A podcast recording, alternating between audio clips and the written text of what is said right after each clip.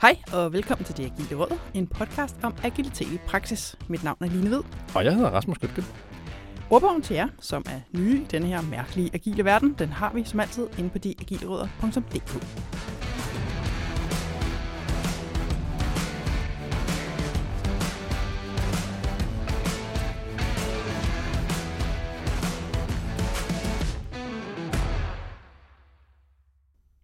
Og Line, apropos ordbogen, så tilføjer vi måske nogle nye ord i dag, eller vi snakker i hvert fald om nogen, som, som vi kan, kan slå op. Hvad, hvad har vi på? Altså, vi snakker om, om nogle af de gode gamle, fordi vi kommer til at nævne Scrum som vel, altså den tror jeg ikke, jeg behøver at introducere for nogen som helst. Altså den mest brugte agile metode ever. Øh, men så fordi vi også skal tale om øh, projektledelse i dag, Mm-hmm. uh, så bliver ordet øh, vandfaldsprojektledelse, øh, klassisk projektledelse og Gantt charts nævnt. Oh. Og det er sådan basalt set noget, når du laver en utrolig langsigtet plan, hvor du rigtig gerne vil have styr på alting, og alt falder i faser i, i røven på hinanden for at sige livet. Ikke? øhm, og det har vi jo lidt anstrengt med i den agile verden, men det snakker vi om, Mhm. mm-hmm. og det er nogle af de ord, der flyver gennem luften. Er der andre? Så er der også øh, begrebet modern agile, hvor jeg må indrømme, det var så første gang, jeg har hørt det, og jeg ved ikke, om det er lidt pinligt, at man kan være øh, medvært på en agil podcast, og jeg har hørt det før, det ved jeg ikke, det er der måske Nej, nogen der jeg kan fortælle mig. Øh, men altså, øh, udspurgt det lidt, og det handler så simpelthen om at faktisk have fokus på, hvad folk gør, og ikke nødvendigvis så meget igen på, hvad vi leverer. Så en øh, ny vinkel ind på Agile, den er måske meget god lige at lave sådan en lille note ved, hvis man ikke har hørt det før, ligesom mig, altså som jo så også var lidt blank lige der. Og, og mig. Super, er det, det er glad for, at du indrømmer, Rasmus. Tak. Vi skal snakke med en god gæst i dag. Det håber jeg. Ja, det håber jeg egentlig også. Jeg, jeg ved faktisk ikke engang, hvem det er, vi skal snakke med. Det er dig, der har inviteret en med. Hvem har du inviteret med til os? Jeg har inviteret uh, Svend Åge Petersen herind, Mm-hmm. og jeg har faktisk kendt Svend Åge i rigtig mange år, og det er også derfor, jeg tror på, at han vil være en god gæst. øh, jeg har selv inviteret ham. Han, øh, han har faktisk, han har, for det første, han har været i IT i rigtig mange år. Han skrev til mig, at han har faktisk lige haft 30 års jubilæum. Hold Så da han har virkelig været i IT i mange år. I samme sted eller i IT? Bare i IT. Han har Okay. været i rigtig mange forskellige virksomheder. Og de Mm. mm. første 20 år var han faktisk udvikler. Ja. Og så for 10 år siden, så kastede han sig over det der projektledelse. Okay. Og grunden til, at jeg synes, det kunne være interessant at få Svend Aage i studiet, det er, at han, han er både projektleder, og han er Scrum Mhm. Master. Han er certificeret i Prince 2, han er certificeret Scrum Master, Mm-hmm. og han blander. Og han blander. Ja, ja. Oh, Ja, det kan jeg godt se på ja, ja, ja, ja. Altså, det jeg jo er lidt spændt på, ikke? Mhm. det er, om det er nu, vi får lavet den vildeste provokerende episode. Oh, Ja. Der er jo nogen, der godt kan blive sådan lidt, når man snakker og tager vandfaldsmodeller og agile Yes. processer og modeller og, og flette det sammen. Den yes. famøse værktøjskasse, vi har snakket om, ikke? Præcis. Ja. Lige præcis. Nå. Og altså, jeg tror, at jeg har godt sagt, åh oh, nej, oh nej, nu mister vi lyttere, vi får de dårligste ratings ever. Øhm, og jeg tænker, at dem, der ligesom har holdt ved os og synes, Mm. at vi er værd at hænge ud med, og vores gæster er værd at hænge ud med, jeg tror ikke, de er helt så nemme at skræmme. Nej. Altså, fordi altså, du har jo også en projektlederbaggrund, Rasmus. Åh, Jeg ja. har en projektlederbaggrund, og ja, åh, vi er jo sådan lidt, lad os nu lade være med at være så religiøse. Har sådan lidt, du sagde jo selv værktøjskasse, og det ved jeg også, et Mm. ord, Svend Åge godt kan lide. Ikke? Fedt. Altså, fordi come on, der foregår altså projektledelse, også i agile projekter, så skulle vi Mm. lige prøve, eller undskyld, jeg kom til at sige agile projekter, nej, så jeg kunne mærke drag over nakken, i agile metoder, agile uh, opgaver, altså Mm. vi bruger jo de der værktøjer, så Ja. lad os nu prøve at snakke om, altså hvornår giver det mening Mm. at hente noget fra den klassiske projektledelse, og hvornår giver det så mening i forhold til det agile, og hvor faldgrupperne er sådan noget. Ja. Og derfor synes jeg, det er interessant Jamen, det at lyder- tale med, med Svend Aage. Jamen, helt enig, helt enig.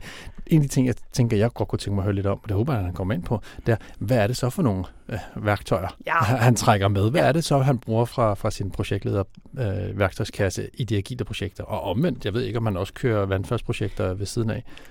Altså, jeg ved, at han også har noget øh, vandfaldsprojektledelse i sin Mm. hverdag. Okay. Så, så det er en del af det, ja. Og der er nemlig noget med, hvordan kan vi så hive noget agilt ind. Fedt. Øhm, og som sagt, altså, jeg ved, at han også meget gerne taler værktøjskasse, og jeg har i hvert fald forberedt ham på, at vi godt kunne tænke os at høre om nogle konkrete værktøjer og sådan noget. Så Øj, det, det øh, bliver jeg godt. På. Det bliver godt. Jamen, det glæder jeg mig sindssygt meget til. Det er godt, for det gør jeg også. Også selvom jeg så får lidt nervøse trækninger. Så jeg håber ikke, der er nogen, der ender med at hade os efter det her. Nej, det håber jeg heller ikke. Skal jeg hente ham? Ja, gør det. Jeg løber. Velkommen til dig, Svend. Tak. Og tak, fordi du vil være med og lege med os. Vil du ikke starte med at præsentere dig selv? Øh, jeg hedder Svend Petersen. Jeg er et stykke op i 50'erne og har arbejdet inden for IT-branchen i cirka 30 år. Og har været projektleder øh, cirka 10 år. inden for agile det meste af tiden, øh, men hele tiden med øh, tilbageskridt til, til traditionel projektledelse også. Og jeg kan også godt afsløre, altså det er jo selvfølgelig også det, jeg har sagt, inden du kom, øh, og som, altså jeg vil sige, kan afsløre, at Rasmus var ret begejstret ud, så det vil vi rigtig gerne høre en hel masse om. Ja. Vil du fortælle noget om, at du, da du mødte Agile første gang, og hvordan du sådan har mødt det gennem din karriere? Jo, jeg skal prøve at summere op. Jeg tror første gang, jeg hørte ordet agile, jeg sad i dag og forsøgte at regne ud, hvornår det må have været. Jeg tror, det var omkring 2005. Jeg arbejdede i Danske Spil, og øh, Danske Spil havde på det tid... Nej, det er ikke rigtigt, det hed Dansk Tipstjeneste stadigvæk oh, på det tidspunkt. Dengang. Fordi det var nemlig det, det projektet gik ud på, at der skulle det store navneskift til, og det skulle også have en ny hjemmeside. Og det var en kæmpe opgave, og nogen sagde, at det ville være godt at arbejde agilt. Det, det havde nogen hørt, at det, det, var, det var et godt ord at begynde at bruge. Så vi fik nogle eksperter ind og underviste øh, hele udviklerteamet i, hvad det her agile var for en størrelse. Mm. Jeg sad en lille smule på sidelinjen af det, fordi vi var et team, der vedligeholdte den eksisterende hjemmeside på det tidspunkt, og så var der hyret et helt team, som skulle lave den nye hjemmeside. Og det var selvfølgelig dem, der fokuserede på at skulle køre agilt. Men jeg sad jo og lyttede med og skulle se, hvad det her det var for noget, og sad også og kiggede på, hvordan det så spændte af. Mm. Og jeg kunne i hvert fald se, nu skal jeg passe på, at jeg ikke fornærmer nogen, men der sad i hvert fald nogle projektledere på det tidspunkt, som ikke havde det store held med det. Og alting var forsinket, og ingenting virkede, og det hele det her. Så jeg var meget i tvivl om, at Agile rigtig, rent faktisk var noget. Havde du nogen Øh. fornemmelse af, hvad det var, der gik galt? Det er selvfølgelig svært at se på afstanden. Set i bagspejlet, så tror jeg, at det, der gik galt, var, at folk ikke rigtig havde forstået det. Så vi, vi, de kendte alle ordene, Mm. de vidste, hvad der skulle gøres, men de vidste ikke rigtig, hvorfor. Og det er min erfaring efterhånden, det er, at hvis ikke du får agile rigtig ind under huden, så laver du bare bevægelserne, og du siger de rigtige ord, og det bliver bare ikke godt. Øh, og så falder folk tilbage til gamle uvaner. Mm. Mm. Så, men, men i danske spil blev det så til på, på et tidspunkt, kom det mere og mere ind i forretningen. Man begyndte at tale mere og mere om, at vi skulle køre, vi skulle køre agilt. Sideløbende kom jeg så skiftet fra at være udvikler, som jeg var på det tidspunkt, til, til, til projektledelse, og fik lov til at køre et projekt af agilt, som var en stor mundfuld. Vi skulle have et nyt bingo og et nyt skrabespil på hjemmesiden med nye udbydere. Der sad folk i, på Island, der sad folk i Sydafrika. Det var sådan alle mulige steder, og alle havde aktier i det her, og vi, der var ikke rigtig nogen, der vidste, hvordan vi skulle gøre. Og så var det på en eller anden måde oplagt at køre agilt. Det var første gang, jeg fik lov til for alvor at lege med det selv. Ja. Og vi havde en projektleder på fra firmaet i Sydafrika, som var en meget, meget sød dame, der hed Kelly, som lærte mig en hel masse øh, learning by doing, simpelthen. Og det var, det var en rigtig god måde at komme ind i det på. Det er jo mange gange den bedste måde. Ja. Altså ligesom at få noget mellem hænderne og prøve at forme det selv, ikke? Præcis, ja. fordi som, som sagt, hvis man bare læser om det, og man bare kender ordene, og man ved, at man skal have en stand-up, og man ved, at man skal lave det, altså, det, det, bliver ikke, det bliver ikke rigtigt, det bliver ikke godt. Mm. Og så sad vi jo så i, i Danske Spil og lavede forskellige andre typer projekter af, af den slags, og rykkede på et tidspunkt videre til TDC. Jeg var godt nok kun et år, men TDC var på det tidspunkt rigtig opsat på, at nu skulle der arbejdes agilt, så vi kom alle sammen på en masse kurser. Okay. Og der følte jeg virkelig, at der havde de fået fat i nogle rigtig dygtige undervisere, som hjalp os rigtig meget til at forstå værktøjer, øh, primært faktisk, øh, for at få, få agilitet ind under, ind under huden på en helt anden måde, end vi havde haft tid til. Og det synes jeg var fedt. Øh, så godt nok var jeg kun i et TDC et år. Jeg nåede aldrig rigtig at lave et agilt projekt der, men jeg fik rigtig meget læring med derfra. Ja. Jamen, så min næste stop, det var i Hempel, hvor øh, den måde, der blev kørt agilt i Hempel, var, at vores CIO havde fået fat i den bog, der hedder Twice the Work and Half the Time. Jeff Sutherlands der. Ja. Læste den og sagde, det er fedt, det er det, vi skal. Og gik ud og købte en stak bøger til alle IT-lederne. Okay. Og sagde, nu er det det her, vi gør. Ja. Så det var, det var undervisningen, de fik i Hempel. Som man kan sige sig selv, så var det også op ad bakke. Ikke? Men, men det, blev også, det blev også bedre. Der blev mere øh, lydhørhed omkring det agile. Og jamen, så har det bare været en organisk proces for mit vedkommende løbende at råbe om, op om agilitet til højre og venstre, Mm. mm. så meget som overhovedet muligt. Og øh, hvis der ikke var lydhørhed, så må man falde tilbage til noget af det mere traditionelle. Og hvis der var lydhørhed, så er det jo fedt. Så kunne man få lov til at arbejde på den måde. Hvordan laver man den balancegang? Ved at lytte rigtig meget. Mm. Fordi man finder meget hurtigt ud af, om de mennesker, der sidder på den anden side af bordet, har behovet, interessen, lysten til at arbejde på den måde. Og når jeg siger dem, der sidder på den anden side af bordet, så er det typisk dem, der sidder med pengene. Det er ikke så meget udviklerne, det er jo, det er mere at være, være ledelse, styregruppemedlemmer, direktion osv., at de er interesseret i det her, eller vil de bare have den klassiske, hvor vi laver hele projektbeskrivelsen og en tidsplan, og så kører der ud af. Og så afhænger der altså også rigtig meget af opgaven. Fordi igen, hvis man ikke ved præcis, hvor målskiven den skal stå henne, så er der mere basis for at arbejde agilt, end, end hvis man ved præcis, hvad der, er, der skal ske. Et eller andet sted, for at vende tilbage til din, din hempelhistorie omkring det der med at, at få bøgerne og ligesom komme i gang. Jeg er 100% enig i dig. Det er måske ikke verdens bedste måde at komme i gang på, men omvendt, så er det jo netop at komme i gang. Ja. Der mange gange kan være det første, første skridt. Har, har du oplevet det efterfølgende, at det ligesom har været, lad os nu bare starte, lad os nu bare prøve? Ja og nej. I min optik blev det aldrig rigtig forankret, mens jeg var i Hempel og, og arbejde agilt. Men selvfølgelig blev folk ved med at referere tilbage til, at vi fik også de der bøger, og så folk vidste, hvad det, hvad det drejede sig om. Så hvis jeg for eksempel stod med et projekt, hvor jeg sagde, at vi bliver nødt til ligesom at køre det her lidt mere fleksibelt, for der sidder nogle brugere, der ikke ved præcis, hvad det er, de gerne vil have. Lad os lave nogle sprints, nogle deep, altså prøve os lidt frem, i stedet mm. for at lave den fulde beskrivelse, så var der lydhørhed for det. Så på den måde havde bogen jo ligesom stukket hul i isen. Ja. Og, og det var jo det var positivt nok. Men det er igen det der med, hvis ikke man har det agile ind under huden, så forstår man det måske ikke rigtigt, og så falder folk tilbage for at sige, jeg vil stadigvæk godt lige have en hel projektplan, og jeg skal stadigvæk lige se dit Gantt-chart og alle de her, de her øh, tilgange, ja. som man har en tendens til at falde tilbage på. Jeg tænker altså, hvis vi skal spænde den positivt, så det er jo mm. i hvert fald en ledelsesopbakning, at der bliver delt en bog ud fra en leder. Altså for det er måske også det, der kan være udfordringen nogle gange, at der er en reel opbakning fra ledelsen. Ja. Øhm, jeg sidder og tænker, altså nu synes det her med at få det ind under huden, altså det ved jeg, at du også har arbejdet med. Hvad gør man, når man står altså med kolleger og måske ledere, som stadig falder tilbage? Det kan lyde sådan lidt hårdt at sige, men jeg kan godt lide at forklare folk, what's in it for me. Altså at alt efter, hvad det er for en rolle, hvad det er for en kasket, ham overfor mig, han har på, så siger man, hvad er det, du opnår ved, at, at vi gør det på den her måde? Mm. Jeg kan også rigtig godt lide hele terminologien omkring modern agile, hvor man går en lille smule væk fra produktet og mere kigger på teamet og på personen i, i, i de der beskrivelser af, hvordan man, hvordan man arbejder med, med, med agil udvikling. Og jeg synes, det er vigtigt, at teamet forstår deres benefits ved at gøre mm. på den måde. Ja. Har du nogle konkrete eksempler, hvordan du har været inde og arbejde med et team og fået dem med på det der? Ja, altså jeg øh, lavede på et tidspunkt i Hempel for et par år siden en udrulning af, eller ikke en udrulning, men en, øh, en konfigurering af ERP-system. Som var uden at gå helt i detaljer, for det bliver virkelig, virkelig kedeligt, så handlede det om noget, der hedder transfer pricing, altså hvor man, hvor man når, når forretningsenheder i forskellige lande handler med hinanden, og hvem betaler moms hvor. Det er virkelig kedeligt, og der var ikke rigtig nogen, der havde lyst til at have det her, men det var noget, der var blevet øh, pålagt fra skattemyndighederne. Det skulle vi gøre. Mm. Så der var jo der var modstand imod det. Og man havde prøvet at lave det traditionelt først. Og det viste sig, at der var ikke nogen, der kunne få hul på det. Hvordan spiser man en elefant? En bid af, af, af elefanten af gangen. Ikke? Og man kom ikke nogen vej. Projektet blev ved med at stoppe og, og, og havde sådan den der status, at det her, det kommer vi aldrig til at, at lykkes med. Og så var der nogen, der sagde, vil du overtage det, vil du prøve at køre det som et agilt projekt, og så, så tager vi de her små slices af, af det.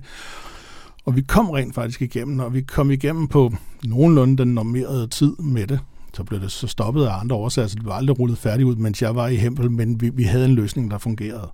Mm. Og, og det var der... Øh, det var vi glade for rundt om bordet, at det rent faktisk lykkedes at gøre. Men det krævede, at der sad et helt team af ERP-folk og forretningsfolk, og sådan noget, som ikke vidste noget som helst om agil udvikling, og skulle forstå metodikken.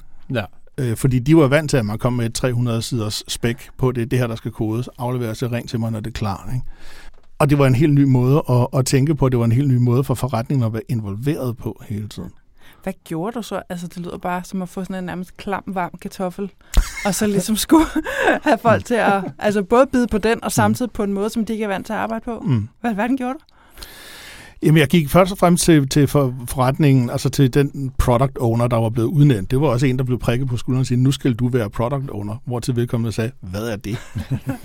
og brugte timer på øh, at, at sidde sammen med ham og forklare ham, hvad den rolle indebar, hvad processen den indebar, øh, hvad jeg forventede af ham, øh, hvad han kunne forvente af mig, hvad han kunne forvente af teamet, og hvordan fremdriften ville være. Sådan så jeg, altså, det, var, det handlede jo om forventningsafstemning, fordi han skulle pludselig forstå at arbejde i en helt anden retning, end han havde gjort hidtil. Hmm. Så, men, men til hans ære, han gik frisk på. Så okay, så prøver vi det. altså i stedet for bare at sige, men det er jo fejlet en gang eller to gange, så, så var det jo positivt. Man skal mødes med den der positivitet, fordi hvis folk bare lægger armene over kors, så siger det her, det bliver ikke til noget. Ja, sådan, så, sådan rigtig svært. Sådan rigtig svært, ja. Har, har du nogle gode teknikker til det der med at slice elefanten ned i små bidder? Altså, for det er noget af det, jeg synes, der, der er svært, når jeg er ude og snakke med folk, som ikke rigtig kender til det, at lave user stories og, og slice en feature, og slice en mm. epic mm. og alle de her ting ned. Hvordan skal vi gribe det an? Hvordan skal man tage den her slicing øh, og ligesom finde den rigtige størrelse og den rigtige øh, mundfuld? Jamen altså, jeg, øh, jeg er stor fortaler for, nu nævner du det selv med user stories, altså at man tager udgangspunkt i den person, der skal sidde og løse den her opgave, når vi er færdige der sidder jo, altså, der er jo ingen IT-systemer, vi laver bare for at lave et IT-system. Typisk så er det jo, fordi der sidder en person og har en opgave, der skal løses under enten nogle helt nye forudsætninger, eller nogle forudsætninger, der er ændret. Det er derfor, vi laver et projekt. Hmm. Okay, men hvad er det så, personen starter med? Hvor skal personen ende hen og få beskrevet den rejse? Det er en rejse. Okay, næste scenarie, og så videre. Og man taler med alle de personer, der bliver involveret. Og hvis man får det tegnet op som user stories, som rejser, som swimlanes. Man kan jo gøre det på alle mulige måder. Ligesom sige, men prøv at se, det vi skal løse, det er alt det her fra A og hen til Z. Fordi hvis vi gør det, så har I løst jeres opgave. Så handler det ikke så meget om at lave et IT-system. Det handler om at løse jeres opgave. Og det synes jeg var rigtig vigtigt at få folk til at forstå. Jeg gør ikke det her for at lave en ny version af ERP i, det, i den her kontekst. Jeg gør det for at løse dit problem det øh, var der så heldigvis lydhørhed for, og, og folk var, var villige til at fortælle mig også, hvad det var, der skulle løses. Ja. Hvad, hvor er pain points henne? Ikke? Og, og, og på den måde lige så stille, så få det brudt ned, og sige, okay, hvis vi så laver den aller, aller, aller simpleste løsning, hele minimum viable product tankegangen, øh, så kan vi se, at vi kan komme fra A til Z med noget, som slet ikke er færdigt, men som dog gør det, det skal. Altså, nu sidder vi så her og bliver jo sjov nok os tre enige om, at det er da super godt at arbejde sådan agilt, og nej, hvor lækkert. Så jeg ødelægger lige den gode stemning. Og ja, siger, selvfølgelig jamen, gør det det. Hvornår fungerer Agile så ikke? Det fungerer i de fleste situationer, okay. synes jeg. Men man plejer jo at sige, at jo, jo mere veldefineret opgaven er, jo mindre har du brug for at være agile. Fordi hvis målskiven ikke flytter sig, så, og, og, og det er og risiko for, at der kommer ændringer undervejs, er minimal. Så kan man bedre arbejde på den, på den traditionelle måde. Et eksempel kunne være, jamen det kan bare være en op, opgradering af et eller andet stykke software, som der ligger godt nok en masse timer i det, men det er slavisk step 1, step 2, step 3, step 4, og så er vi, så er vi færdige. Så er der ikke så meget agilt i det. Vi havde et projekt på et tidspunkt, hvor vores CRM-system, det var også i Hempel, øh, skulle udbygges med et compliance-værktøj. Sådan så, at når der kom kunder ind og sagde, at vi vil gerne købe nogle produkter, så kunne vi tjekke, om de stod på en eller anden skurkeliste, hvis de nu var i Nordkorea, eller sådan, sådan nogle, altså så, så eksterne øh, lister, som, som, som tjekkede, at vi rent faktisk må handle med de her mennesker og stadigvæk være compliant. Det var mere eller mindre plug and play, i hvert fald fra IT-synspunkt. Vi, vi gik ind og definerede, hvad der skulle gøres. Det blev sat op, det blev hægtet på vores CRM-system, og vi var kørende. Så noget kan man ikke rigtig gøre agilt. Forretningen kørte så en lille smule agilt i forhold til at konfigurere det her system, for det der var forskellige øh, guidelines for, hvor, hvornår flagger vi den her øh, kunde som med et rødt flag, og hvornår, hvornår er det orange, og hvornår er det okay, og øh, grønt flag. Ikke? Men, men det var ligesom ikke IT-delen af det. Det var bare dum, dum, dum, done. Der var ikke nogen point i at køre det, øh, køre det agilt. Men, men langt de fleste andre, fordi der vil altid være en eller anden form for usikkerhed. Der vil altid være et lille smule blankt i, i øjnene hos, hos brugeren, når man siger, hvad er det, du gerne vil have? Uh, jamen, øh, ikke? Og allerede der begynder det at give mening, i hvert fald at bruge nogle af værktøjerne fra værktøjskassen med, med omkring agilitet, for at blive en lille smule klogere og være sikker på, at vi laver den rigtige løsning. Jeg tænker, der er rigtig mange, der sidder derude og lytter med. Og ja, vi har et kæmpe publikum. Flere tusind mennesker verden over. Nej, jeg, jeg tænker bare, der er mange, der sidder og tænker, jamen, hvad, hvad, hvad, definerer du som agil? Altså når du siger, at, at, at der er nogle processer, der ikke kan køre agil, er, er det så fordi, du tænker, at vi ikke kan køre iterativt, eller at vi ikke kan køre Scrum, eller... Jeg tænker, at jeg kan rigtig godt lide princippet om, at vi, vi, vi we welcome change. Der kommer næsten altid ændringer. Øhm, og så snart der gør det, så synes jeg, man er nødt til at være agil i ordets egentlige betydning. Ikke agil som i metodikken, men agil i forhold til at kunne flytte sig, øh, når, når, når tingene ændrer sig. Og på den måde mener jeg, at, at, at et projekt eller en opgave kan være agil, fordi det meget sjældent er hugget i sten, hvordan det her det skal gøres. Forstår du, hvad jeg mener? Ja, altså, ja, ja, ja, ja, jeg kan sagtens følge tanken. Helt sikkert, helt sikkert. Og jeg synes, det giver rigtig god mening. Mm. Netop, netop som du siger, jamen, hvis vi, hvis vi kender steppene hen til punkt B, eller C eller Z, jamen, så lad os da følge dem. Mm. Altså hvis vi ved, der ikke kommer ændringer, fordi vi skal opgradere en server til nyeste version af et eller andet, hvad kan det kan være, klik, klik, klik, next, mm. så er vi kørende. Ja. Men selvfølgelig behøver vi det ikke at gøre noget stor øh, raketvidenskab øh, ud af det. Nej. Øhm. Men, men der vil næsten altid være et eller andet, en eller anden usikkerhedsmoment, og så må man ind og vurdere, at det er stort nok til, at vi har brug for at bruge nogle mm. lidt andre værktøjer. Eller kan vi stadigvæk skrive det på et stykke papir med, med en smule albuerum. Have beskrivelsen op front, og så sige, nu er det den, vi kører efter. Ikke? Ja.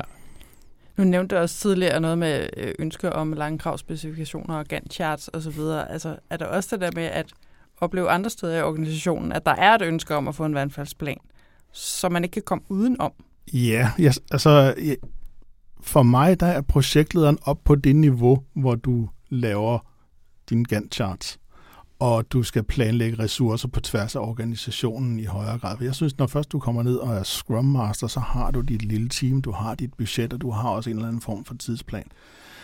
Og så, og så, altså, så kommer der alt muligt andet, sådan people management ind, ind, ind, ind i Scrum Master-rollen, men du har allerede nogle rammer at begå dig for, indenfor, mens en projektleder mere skal ud og snakke med alle de der stakeholders i højere grad og planlægge på tværs af, af projekter i organisationen.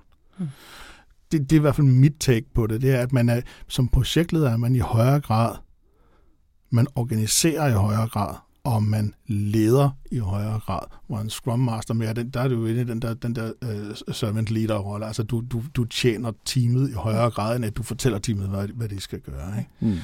Øhm, så, så, så når du er ude i, at du har en CEO eller, eller, eller et, et styregruppe-lag der, som vil se en, en Gantt-chart, jamen det, der må man lige tage projektlederhatten på og så sige, det er vi nødt til at lave, fordi vi skal jo også koordinere med det og det og det projekt, som ikke nødvendigvis kører agilt.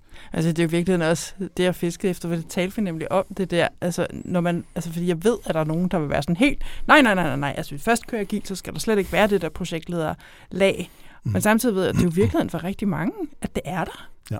Og hvad i alverden gør man så? Jamen, jeg synes ikke nødvendigvis, det ene udelukker det andet. Mm. Øh, som, som sagt, det, det er et eller andet med, hvad er det for et mandat, og hvad for et scope øh, projektlederen og, og Scrum Masteren har. Og jeg mener, at en projektleder har et, et, et større mandat end, end, end en Scrum Master typisk, fordi projektlederen typisk er der jo mere end én projektleder i organisationen, og så har du pludselig det her øh, samarbejde på tværs, og der skal lægges planer, og jeg skal bruge den og den udvikler, jeg skal bruge den og den designer, og hvordan kan vi få vores tidsplaner til at gå op. Men når først en projektleder så har fået sit team, sin, sin udvikler, sin designer i tre måneder, så går vi ned og, og, og, og går i gang med at være et Scrum-team, og man har en, en, en, en, en Scrum-master, som så i højere grad sørger for, at teamet har det godt, og, vi, og, og, og det ruller inden for den her lille boble. Mm. Projektlederen er, er nødt til at tage en, en, en lidt, have et lidt andet perspektiv på, i min optik. Mm. Så man i virkeligheden skifter hat undervejs, altså, og bevidst om, hvad for en rolle man træder ind og ud af. Ja, enten det, eller så er det decideret to personer. Det kan det jo også sagtens være. Ja. Ikke? Øh, altså jeg har så, det kommer meget an på organisationen, ikke? Men, men jeg har personligt øh, måttet skifte hat mange gange, ikke? Ja. Øh, alt efter hvem det er, man snakker med. Men, men andre steder, jamen der har du jo en, en regulær Scrum Master, og så sidder der et PMO, eller hvad man nu skal kalde det, et, et, et, et, et step højere, og er med til at lave det, det, det større planlægningsarbejde, ja. Øh, som så siver ned til dit Scrum-team. Ikke? Ja. Har du et eksempel på, hvordan du har haft det der begge roller, og sådan har skulle skifte hat? Jeg tror, jeg har mange.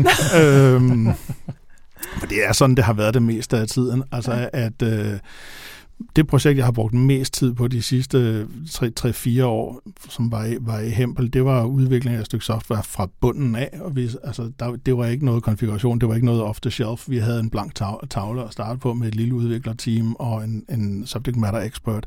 Og vi kørte øh, Scrum for fulde gardiner, fordi der var ikke nogen, der vidste præcis, hvor det der det skulle ende hen. Vi havde en rigtig god idé om, hvad vi gerne ville. Så, så det, øh, der, der, der kørte vi så agil, som vi overhovedet kunne i det her lille team. Men der sad jo en styregruppe ovenover og ville gerne vide, hvornår leverer I noget, og hvornår skal vi byde ind med tid, penge, ressourcer osv. Så jeg havde begge kommunikationer. Øh, øh, og, og det fungerede jo, fordi det, det fungerede, fordi jeg havde al viden om projektet. Og jeg skulle ikke ned og snakke med en anden Scrum Master om, hvad foregår der lige nu, og hvornår kan I levere, og bla bla bla jeg sad med det hele, så på den måde fungerede det godt nok, men projektet var så heller ikke større, end at det godt kunne lade sig gøre. Hvis du nu har en eller anden kæmpe ERP-udrulning eller sådan noget, så kan det godt være sværere at skulle bestyre begge roller. Mm. Øhm. Vi har tidligere snakket med nogle af vores gæster omkring det her med, med uddannelsesvejen, eller hvad man skal sige, udviklingsvejen til at blive Scrum Master, eller projektleder, eller Product Owner. Hvad ser du som den, den naturlige vej, hvis man kan sige det? Altså er det en Scrum Master, der tager noget projektleder, eller er det noget projektleder, der tager noget Scrum Master, og så ligesom kombinerer den? Jeg ved ikke, om den ene er bedre end den anden. Øh, altså, eller om ikke man kan komme ligesom begge veje. Øh, det, det, det kræver nogle andre kompetencer. Helt, helt sikkert. Øh, jeg, jeg synes, at projektlederen, det handler meget om firmaet, produktet og processen. Og Scrum Masteren handler, handler rigtig meget om teamet, om menneskene. Mm. Så, så, men, men du kan jo lære begge dele. Om der er nogle fordele, at du kommer som klassisk projektleder og lærer om Scrum og skal bestyre dit team, eller du har den der sådan lidt mere nære rolle, og, og, og pludselig tager den op på projektlederne, jeg ved ikke, om det ene er bedre end det andet. Det... Nej, men det tror jeg da ikke nødvendigvis, det er. Nu tænker jeg også meget, og det er måske et, et, et, upræcist spørgsmål. Det er også mere den der, fordi vi snakker om den her famøse værktøjskasse, altså hvor kan vi, hvad kan vi plukke fra hvilke, øh, hvad skal vi sige, øh, genre, altså hvad kan vi tage fra vandfaldsverdenen, hvad kan vi tage fra skumverdenen, mm. og hvad kan vi så pakke sammen ned til det, vi nu engang skal bruge. Og der sidder jeg bare og tænker på, får man flest værktøjer fra det, eller til værktøjskassen fra, fra projektlederverdenen, eller fra Scrum Master-verdenen? Jeg tror, man... Jeg synes, den bedste værktøjskasse kommer fra Scrum Master-verdenen. Faktisk. Fordi hvis du går over til klassisk vandfald, så udover at du har en masse governance omkring alle dine dokumenter, som du skal dele på SharePoint eller Teams, eller hvad det nu er, og dit Gantt-chart, så har du, synes jeg, ikke så forfærdeligt mange andre værktøjer. Hvorimod du som Scrum Master nede på, på teamniveau, du har alle mulige tools, du kan bruge til at arbejde agil, og jeg tror altså også, det er et eller andet med, at man bare vi i IT-branchen kan bedre lide at arbejde agil. Der kommer nogle bedre værktøjer til at arbejde med det. Der er ikke, der er langt mellem folk, de, de, de ser begejstret ud, hvis vi taler om MS Project i dag. Ikke? Altså, det, det, er der ikke, det er der ikke så mange, der har lyst til. Mens hvis vi siger Jira eller DevOps eller et eller andet i, i den stil, så får man, ah, ikke? Ja. Og, og backlogs og hurra. Altså, det kan, det, der, der er større buy-in simpelthen til, til at arbejde agilt. Jeg tror, det er derfor, der er flere gode værktøjer derude. Sådan rent ned på du ved, den hjemmeside, eller det her tool, eller den her softwarepakke. Mm. Hvad er nogle af dine egne yndlingsværktøjer fra den agile verden? Min, min, min grundpakke, den består af et mindmapping tool, et user story tool og øh, Jira, hvis jeg kan slippe afsted med det. øh, så synes jeg, jeg er nået rigtig langt allerede. Og derudover, jamen, så, så, så hvad, man jo næsten altid have sin, sin document repositories og øh, øh, på, på, på SharePoint og Teams og hvad ved jeg. Ikke også? Mm. Men, men jeg synes faktisk, det vigtigste for, især når man skal i gang, og man skal have skrabet hul på, på, på sådan et projekt, det er, det er at lave noget mindmapping, og det er at lave noget user story, storyboarding. Så så alt efter, hvad det er for en type opgave, hvad det er for en type projekt, om man så skal have et Kanban-board, altså man kan bruge et Trello, man kan bruge øh, MS Planner, altså der, der, er jo, der er jo alle mulige øh, værktøjer. Ja. Altså ja, hvis jeg endelig skal sige et specifikt værktøj, som jeg altid anbefaler, hvis jeg snakker med folk, som, hvis de ikke har hørt om det, så er det et, et sådan storyboarding tool, der hedder, der hedder storiesonboard.com. Det er en, øh, en, en fantastisk det er et fantastisk produkt, en hjemmeside, hvor man kan gå ind og lave alle de her user stories. Du kan splitte dig op i, i sprints, og den integrerer med Jira, og den integrerer med, med DevOps, og man kan bare flytte alle de her fine post-its, man har lavet online, direkte over i, i sit projekttool. Og jeg elsker det, og det jeg bruger det hver gang. Øj, det lyder som noget, jeg bliver nødt til at dykke Jeg bliver også lidt ned i, fordi det- Ja, præcis. Det, det lyder som noget, Line, vi skal, vi skal Ja. hjem og kigge på. Kan det de måske sikkert. sponsorere podcasten? Nej, men jeg, jeg er meget enig, for jeg, jeg, jeg, tilbage til mit spørgsmål omkring, hvad, hvad, hvad bygger man bedst på? Altså, jeg tror også, at der i Scrum Master-rollen, eller i den agile verden, eller man skal sige, er rigtig mange fede tankegange og mange fede principper omkring, hvordan skal vi behandle andre mennesker? Hvordan skal Mhm. vi samarbejde? Hvordan skal vi have respekt for hinanden? Hvordan skal vi have den her trust til hinanden? Ja. Alle de her ting. Altså, jeg, jeg har en, en PMI-certificering tilbage fra ja, mange år siden. Jeg synes ikke, vi snakkede om det. Altså, jeg synes, jeg, jeg synes vi snakker, som du også er inde på, Gantt-chart og, og projektplaner og riskanalyser og hvad ved jeg. Vi snakker ikke nødvendigvis om, hvordan menneskerne er, hvordan skal vi samarbejde, og hvordan skal vi stole på hinanden, og alle de her ting. Præcis. Så, så er jeg meget enig i, at, at der er nok flere ting fra den agile verden, der, der er værd at tage med. Jeg synes, det er et eller andet, man har fået øjnene op for, at det betyder også noget, hvordan teamet har det. Og det handler ikke kun om at levere øh, varen. Selvfølgelig handler det også om at, at, at levere varen, det er klart, men, Mm. men hvis, man, hvis man har fokus på at udvikle teamet og få det til at arbejde så smooth som overhovedet muligt, og at folk er glade, øh, snarere end at overholder vi tidsplanen, og har vi fået en statusrapport, og hvad ved jeg. altså, det er bare så meget federe, folk går gladere derfra. Ja. Og skulle helst gå fra et projekt eller projektmøder med energi, i stedet for at være blevet drænet for energi, fordi de har skulle sidde og lave alt muligt. Ikke? Og det synes jeg til syvende og sidst, det er det, der betyder noget. Jeg tænker jo også, at det var også der, mit spørgsmål kom fra, det der forskellen på projektlederrollen og Scrum Master-rollen, at det er der, hvor jeg ser et af de allerstørste forskelle på den klassiske projektledelse og på Agile, det er lige præcis den der, jeg ved ikke, hvad jeg skal kalde den, hvis jeg ikke må kalde den projektleder, hvis det heller ikke er Scrum Master. Altså, så den der rolle, ikke? den der person, der ligesom prøver at have overblik og sørge for at drive det, den person, der er rollen ændret, ikke? fordi der lige pluds- pludselig er noget coach indenover, og noget mere coachende. Ja. Og så bliver jeg nysgerrig. Det er vigtigt at skabe den der, det gode samarbejde, en god stemning. Hvordan gør du det? Har du nogle værktøjer til det? Være mig selv i virkeligheden, og ikke skjule mig bag processer, og øh, øh, nu skal vi holde de her møder, og vi skal lave det her, og vi skal have, der er de her artefakter, der skal være på plads, og sådan noget. men i virkeligheden mere tage det i øjenhøjde og sige, selvfølgelig hele tiden med, med øje for, at vi skal gøre de her ting, men man skal ikke bare sige, nu holder vi en stand-up, og den skal vi holde på den her måde, og så, men, men mere føle, hvad det er for nogle mennesker, man sidder med, og tilpasse teamets, eller hvad skal man sige, tilpasse værktøjerne til teamets behov, sådan så at folk er glade. Så synes jeg også bare simpelthen, det er vigtigt, at man bruger lige fem minutter på hvert møde til lige at snakke, hygge. Hvad lavede du i weekenden? Øh, så du kampen i går? Altså sådan noget. Ja. Øhm, hvis man kan få folk til at grine. Det, det gør det altid nemmere, når man så kommer til øh, de svære spørgsmål. Så der er noget, noget, der er noget, der er noget coaching i det, der er noget øh, sådan people management. Øh, og, og det, øh, i min optik er det det, der, har, der er sværest for folk at lære at gøre. Mm. Altså, fordi det, det, det, det skal jo helst komme naturligt, for ellers virker det jo ikke naturligt. Så bliver Nej. det bare sådan, man har et script liggende ved siden af sig, hvor der står, Nå, hvordan har du det så i dag? Det, det, det dur jo ikke. Det skal, det skal komme indefra. Hmm. Nu snakker du det, det, det der small talk. Jeg er også kæmpe fan af det, at man lige på vej hen til mødelokalet snakker omkring, som du siger, kampen i weekenden, eller børnene, eller hvad- det nu end kan være, der er interesse. Jeg, kæmpede lidt med det under corona. Nu ved jeg godt, at vi er på den anden side af corona, men der er jo stadig åbnet op for, at vi har alle de her hjemmearbejdsdage, og vi kan sidde remote, og alt er glad. Øh, alle er glade for det. Øhm, har du nogle idéer til, hvordan kan vi, hvordan kan vi klare den her small talk, når det nu er det ene teamsmøde efter det andet teamsmøde, som bare kører derud af det er tre klik, der er ikke nogen gang hen til, til mødelokalet? Det er rigtig svært, det vil jeg, det vil jeg give dig ret i. Øhm, under corona var jeg midt i et projekt, øh, hvor jeg kendte teamet, og der var det ikke noget problem. Altså selvom vi ringede ind via Teams, så brugte vi bare et par minutter på lige at sidde og hygge snakke.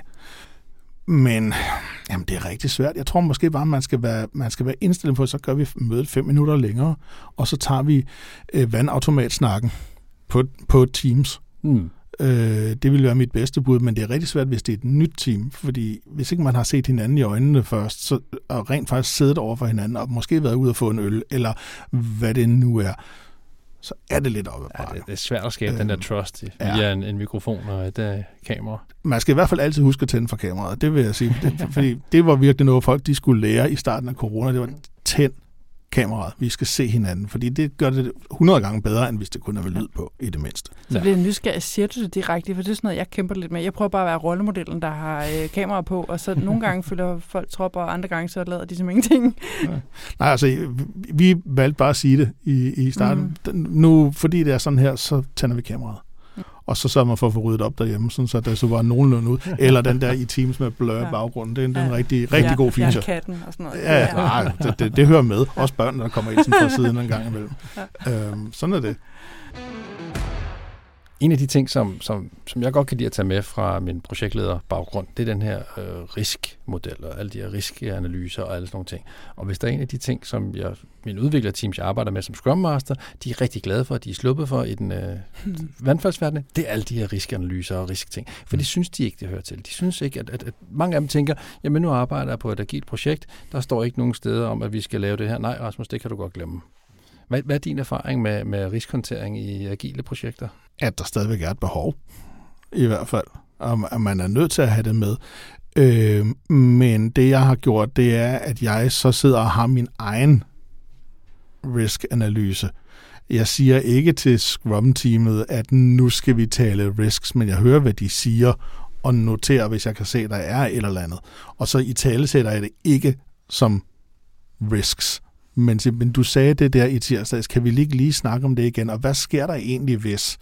Altså, så, mm. så prøv at bløde det en lille smule op, i stedet for, jeg tror også, jeg sagde det før, det der med, hvis du går for meget op i proces, og, du, og du, det, det bliver for rigidt på en eller anden måde, så strider folk imod, men hvis man kan tage det som en samtale, og det egentlig bare bliver en naturlig del, ja øh, så, så er det så bare mig, der skal huske at, at, at få det ligesom øh, på struktur bagefter, fordi der så måske sidder nogen højere op i systemet og har behov for at vide, hvad er risikoerne, er risici i det her, i det her projekt. Ikke? Mm. Men, men over for teamet vil jeg helst køre det sådan mere som en samtale, snarere end, hvad med det der punkt, hvad med det der punkt, hvad med det ja. der punkt. Og det gælder også sådan noget. Og, og det synes jeg også giver sindssygt god mening. Det, det er en godt input, netop fordi, som du siger, de, de gider ikke rigide skema, de gider ikke alle de der checkboxe, og nu skal vi huske at... Åh, jeg skulle Selvom sige, det er nødvendigt. Hvem fanden gider det? Jamen, det er der ikke nogen, der gider, men, men, det, er jo, men det er jo en af de ting, som, som jeg i hvert fald tager, tænker lidt om, omkring det agile, det er, det, det er jo meget riskontering. Altså, vi, vi fjerner nogle af mange af de risici ved netop at have vores snakke, netop ved at kigge og, og have den her transparens, som vi nu engang har i vores projektplaner, eller vores Jira boards, eller hvor vi nu engang har dem mm. henne af. Så vi eliminerer eller mitigerer mange af de her risici ved at, at, at snakke på den måde. Mm. Ja. Plus at Scrum Masteren jo også har en, en, en funktion i rent faktisk at forsøge på at fjerne, hvis man kan se, der begynder at dukke en hurdle op ude i, i, mm. i, i horisonten, så få den fjernet, inden de ligesom når til den, og inden læsset vælter. Så hele den der impediment-tankegang. Øhm, så i min erfaring er, er, er, behøver det ikke at være så stringent omkring øh, øh, riskanalyser, øh, som i det klassiske. Og i det klassiske, der giver det jo god mening, fordi du har lavet hele den her beskrivelse, og nu går vi ud og laver det her. Hvad nu, hvis det går galt? Så giver det rigtig god mening, at du har, øh, har en, en, en fallback og, og, og nogle mitigeringsplaner og alt det der. Ikke? Mm. Men behovet er mindre i, i, et, i et rent agilt team, vil jeg mene. Jeg har brugt, øh, brugt så tit øh, præ-mortem, altså der, hvor man slår mm. projektet ihjel, før det startede. Og så brugte det egentlig også som en måde at, sådan at vride nogle opgaver ud for at finde ud af, altså der er nogle ting, vi simpelthen har overset, og det kan jo altså rigtig ofte sådan noget som husk lige at få involveret de rigtige stakeholders, for eksempel er en, der er rigtig, rigtig tit af en eller anden grund bliver overset, og som er ret vigtigt at få med, ikke? Jeg skal lige huske, de her også lige skal være om, ombord. Ja. Så jeg synes, at det faktisk skal bruges til simpelthen at få nogle flere opgaver ind i backloggen. Men nu vi er det ved det der med værktøjer, som vi hiver op for den klassiske projektledelse. Det mm. der med, jamen ledelsen, der er nogle højere oppe, som nogen, som har brug for noget til. Altså nogle ting der, hvor du tænker, de er om ikke andet brugbare at håndtere et ledelseslag med? Jamen altså, det er jo blandt andet sådan noget som, som risks, fordi det, det er ledelsen vil spørge om, hvor, hvor, hvor, hvor kan det gå galt henne? Så har jeg min, min lille uformelle øh, risk-analyse i, i, i baggrunden, og så bliver den formaliseret, når man laver en one-pager til, til, øh, til ledelsen, som, som bare lige skal have, her er budgettet, så meget har vi brugt, vi regner med at være færdige her, hvad kan gå galt, hvad skal vi gøre, tak for i dag. Det er jo sådan meget den det, det, meget firkantede afrapporteringsform, som, som, som de gerne vil have.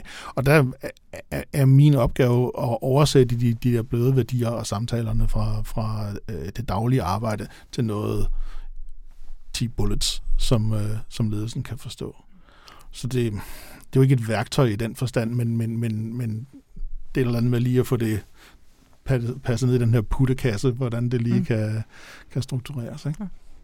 Altså en af de ting, som, som jeg igen har taget med mig fra, fra vandfaldsverdenen, det er netop, altså, måden vi snakker til styregrupper, måden vi snakker til management, altså de netop powerpoints, jeg ved, Line, hun elsker powerpoints. De kan være gode, hvis man gør det rigtigt. Ingen vilde bullet points, Nå, vel? Nej, nej, nej. Men, men, men alle de der ting, altså erfaringen med, hvad ledere godt vil have, den synes jeg egentlig godt, jeg kan tage med mig som, som Scrum Master og som, som agil coach, og ud og snakke med folk netop for at sige, hvordan er det så, jeg skal håndtere en eller anden vis ledelseslag? Hvad er det så, vi skal snakke om der? Det er rigtigt. Ja, altså, de vil til syvende og sidst bare gerne vide, om de får det, de har bedt om til, til tiden, om skal de finde flere penge. Ikke? Altså, øhm, ja. Ja. Altså, der, der er noget i den der stakeholder-analyse, som jeg egentlig også godt kan lide ja. at, at, tage med.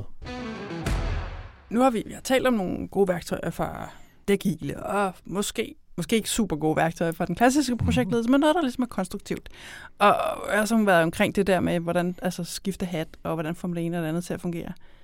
Hvor har du udfordringerne? Altså, hvor er det lige svært, når du altså, står der med et agil hjerte og prøver at få det til at køre agil, mm. og der så er klassisk projektledelse omkring dig? Hvad er svært? Jeg synes, det er svært, når ressourcerne forsvinder, for eksempel. Altså, når man er oppe imod alle de andre projekter. Fordi, når, jeg, når du, som du siger, når jeg står med mit agile hjerte og mit, mit Scrum-team, så, så håber jeg jo, og det, det, er sådan, det er jo drømmen, det er, at vi kan alle sammen sætte os ind i et, i et lokale, og så sidder vi og arbejder, og, og alting kører by the book, men, men, men, men tilpasset til os. Men, og, og, og så kommer den virkelige verden og forsvinder, forsvinder to af mine ressourcer pludselig i tre måneder, fordi noget, noget var vigtigere. Og så er jeg nødt til ligesom at at træde et skridt tilbage og tage projektlederhatten på og sige, jamen jeg kan jo ikke gennemføre min overordnede tidsplan, fordi mine folk er væk. Mm. Agtigt. Og det er en ting, jeg synes, der mangler en lille smule i, i Scrum.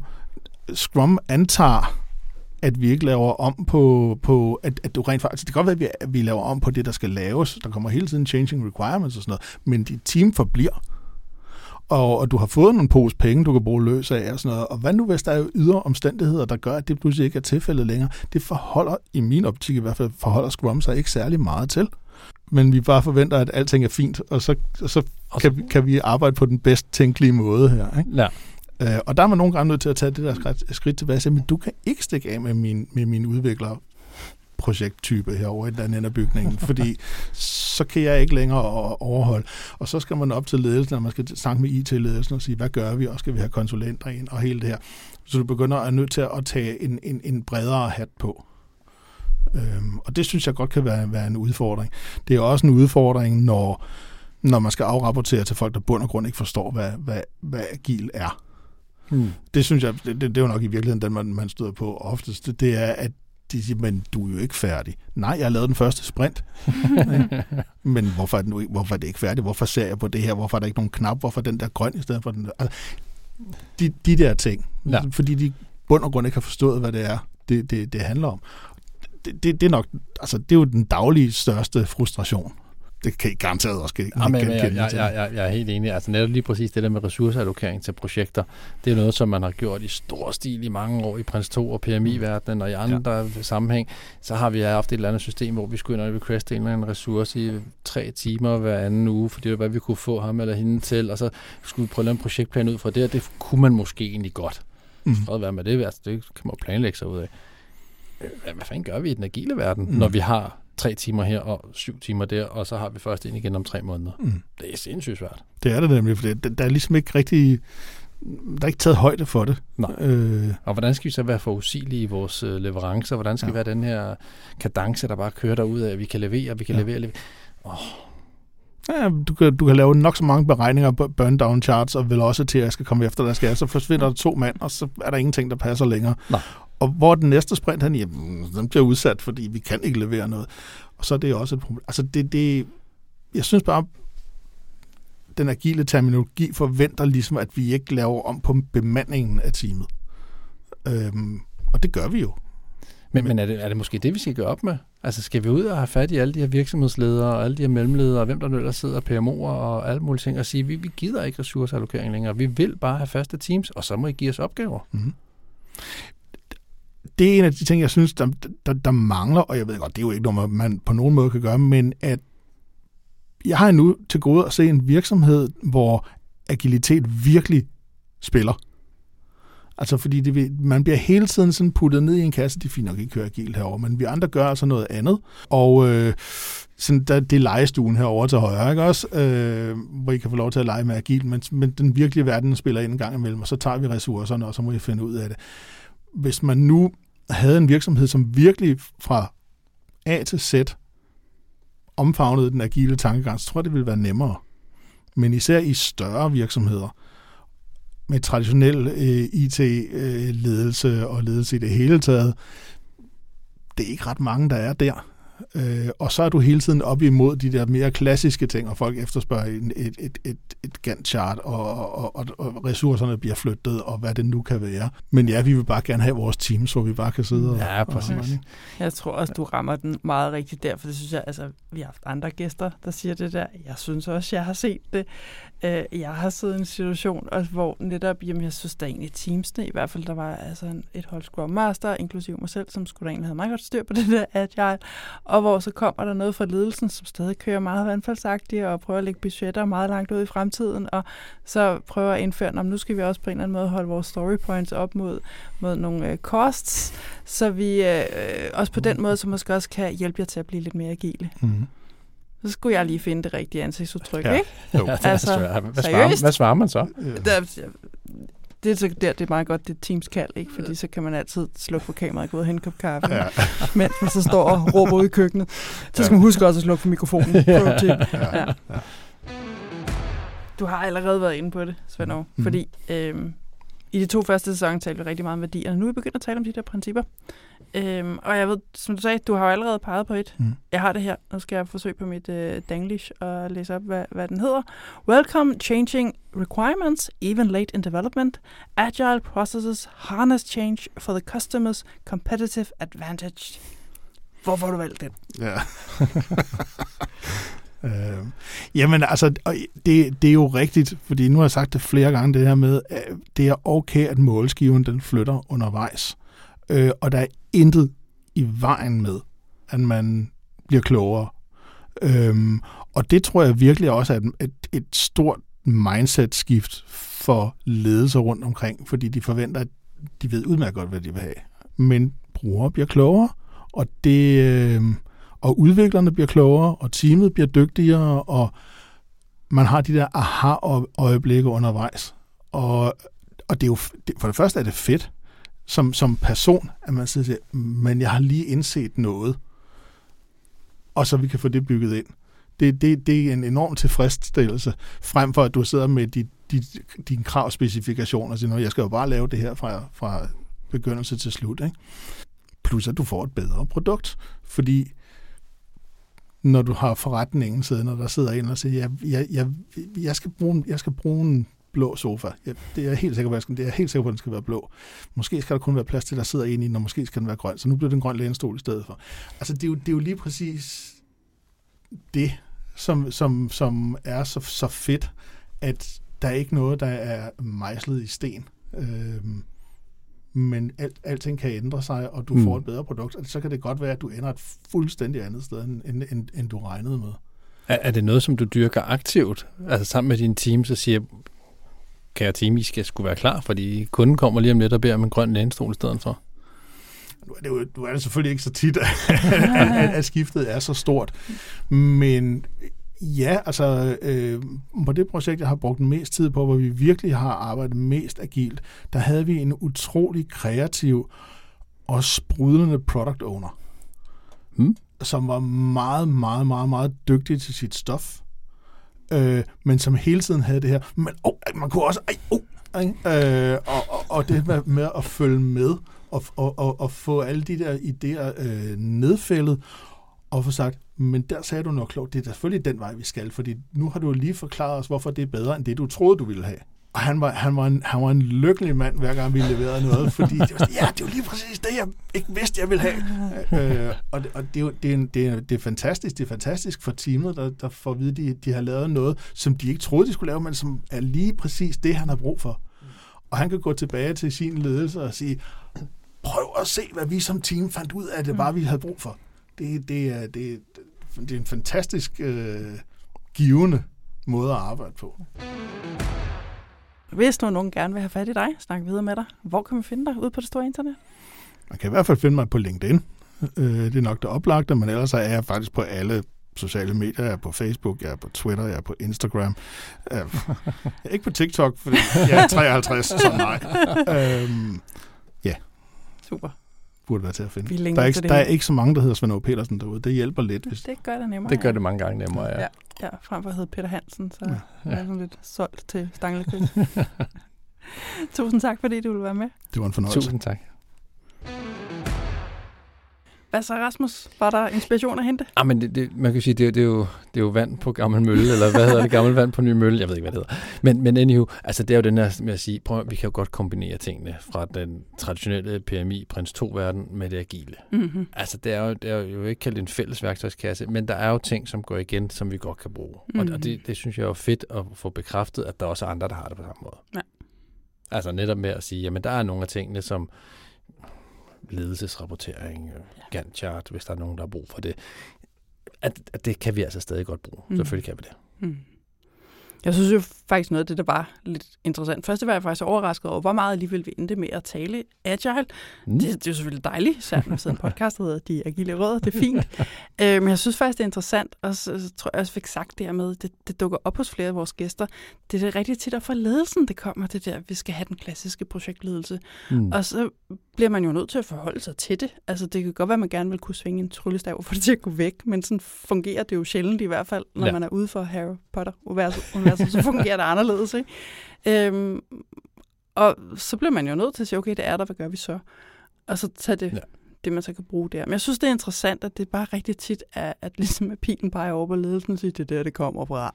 Men, men det der så var fedt, synes jeg, og det kan man jo så diskutere øh, på mange forskellige måder, det som man fortæller omkring, jamen han var et sted, hvor at lederen kom med en bog. Altså det er det her agile, vi skal have. Det er mm. det her, altså double the work in half the time, eller hvad den hedder. Altså det er jo det, er jo det vi vil have. Værsgo, sæt i gang. Altså, Det er jo en start. Mm. Og det der med at kunne få øjnene åbne hos nogle af lederne, og ligesom at sige, der er altså noget værdi i at prøve at arbejde lidt anderledes, og gå en lille smule væk fra vandførsmodellen. Vi behøver ikke køre en kæmpe agil transformation, men, men vi kan måske begynde et eller andet sted. Mm. Jeg synes, det der så også var lidt ærgerligt ved det eksempel, det var, at den her leder så ikke fik fulgt det ordentligt op. Ja. For jeg synes jo også, det var enormt befriende, og så det lyder som om, at han har læst den der bog og virkelig set lyset, og bare tænkt, ja, selvfølgelig er det det her, vi skal gøre. Og det er jo fantastisk, apropos det der med, at ledelse måske ikke altså, altid helt har forstået, hvad det indebærer, og ikke mindst, at det indebærer noget for dem, at tingene ændrer sig. Ja. Så det er jo dejligt, altså, når der er en leder, der lige pludselig er faldet over den bog, har læst, og bare tænker, hey ho, det er det Og her, der, vi skal der er gøre. eller andet ikke? værdi ja. der, ikke? Ja, helt Ja. sikkert, helt sikkert. Jeg blev også en lille smule provokeret Ja. af, af ordet, øh, eller sætningen, vi kan ikke køre alt agilt. Og der tror jeg, vi, vi skal have defineret, hvad agilt betyder. Ja. Altså er det bare iterationsbaseret? Fair nok. Men omfavner vi det agile manifest og tænker på, at vi kan tage begreber, principper og, alle ting derfra, og med, med mixe ind i vores projekt, jamen, så kan du køre alt agilt. Mm. Altså, hvem vil ikke gerne have fokus på samarbejde? Hvem vil ikke gerne have fokus på, at kunden skal være i centrum? Vi skal arbejde tættere på kunden. Hvorfor kan vi ikke gøre det på et, et traditionelt vandfaldsprojekt? Så der er mange af de her principper, og der er mange af de her øh, værdier, eller mange, der er jo fire værdier, men, men, men som man godt kan, kan implementere alle steder. Altså, jeg giver ret i, at der er mange elementer, man kan tage ind. Men jeg vil også give ham ret i det der med, at der er jo bare også nogle ting, hvor det er svært ikke at lave en vandfaldsplan. Altså, hvor man ikke kommer ud over den der med, jamen, der er ikke rigtig nogen iterationer her. Der kører bare slag i slag, og jeg har mm. lyst til at sige, Rasmus, for fan, vi oplevede det jo selv, da vi desperat prøvede at få forrige episode ud. Ikke? Fordi som vi også, altså jer, der følger os på LinkedIn, I ved nu, at den her produktion, den foregår som en vandfaldsplan. Den er fuldstændig, altså det mm. er mhm. bare svært at klippe en podcast, før den er optaget. Jamen jeg er helt enig, men stadigvæk så har vi kommunikation, vi har samarbejde, vi har collaboration, vi snakker om endproduktet, vi snakker om hele tingene. Så, så, så det, det, er, det er jo også hjertet af det agile. Det er jo det her med at, at kunne samarbejde, det er at kunne sætte os ned og definere vores fejl og vores mangler og hvad er det udfordringer, hvad har vi impediments, og alle sådan nogle ting, og så finde en løsning på det. Mm-hmm. Og det synes jeg at vi gør, Line. Det gjorde vi da. Ja, ja. og vi var tilpasningsdygtige. Vi tænkte, nå, der røg den publikation, ja, eller publiceringsplan. så vi undskylder meget den lille forsinkelse. ja, præcis. Vi vil overhovedet ikke garantere, at det sker fremover. Nej, overhovedet slet, slet ikke. Men, men det er bare for at sige, jeg, jeg tror, at, at, at, at der er mange tolkninger på, hvad det vil sige at arbejde agilt. Mm. Der er nogen, der vil sige, at det er Scrum, nogen vil sige, at det er Safe, nogen vil sige, at vi skal følge manifestet, nogen vil sige, at det er noget helt fair. Og, og der, der tror jeg, at, at øh, det er fedt med så meget forskelligt input. Det er fedt, ja. at der er så mange forskellige tolkninger på det, for så tror jeg faktisk, at det ender med, at vores projekter og vores leverancer bliver bedre generelt. Ja, helt sikkert. Altså, jeg har jo lært blandt andet af dig, at jeg åbenbart gik på en meget, meget progressiv øh, projektlederuddannelse tilbage i 2009, fordi der rent faktisk var sådan en snak om, om altså, lad nu være med at lægge jer fast på for meget for hurtigt, altså udskyd beslutninger så lang tid I kan, så I kan nå at lære. Mm. Øh, og der var faktisk også rigtig meget med sådan at skabe ejerskab og sådan noget. Altså, ting, ja. som jeg jo så har opdaget, det er ikke alt, der lærer det på en projektlederuddannelse. Ikke?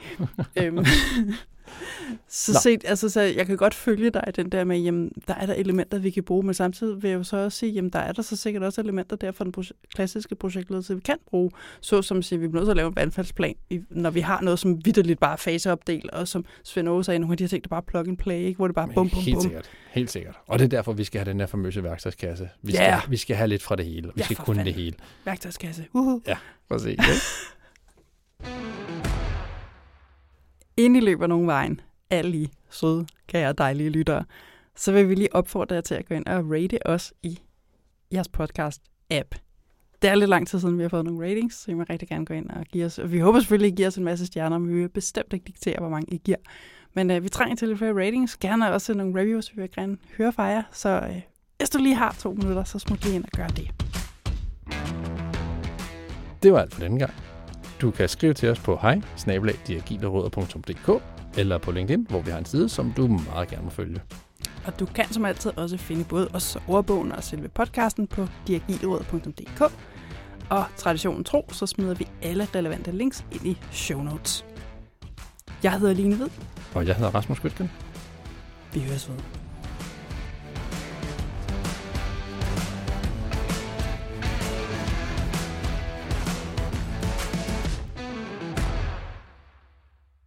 Ved, jeg begynder at sidde og stille spørgsmål til mig selv. Det er meget mærkeligt. Det, mm, jeg er ikke sikker på, at det er den rigtige måde at lave podcast Så længe du også svarer dem selv, så er det jo så fint nok. Vi kan, vi kan lave et specielt edition, Lines hjørne, og så kan du sidde og få lov til at snakke med dig selv over hjørnet. Det er en dårlig idé.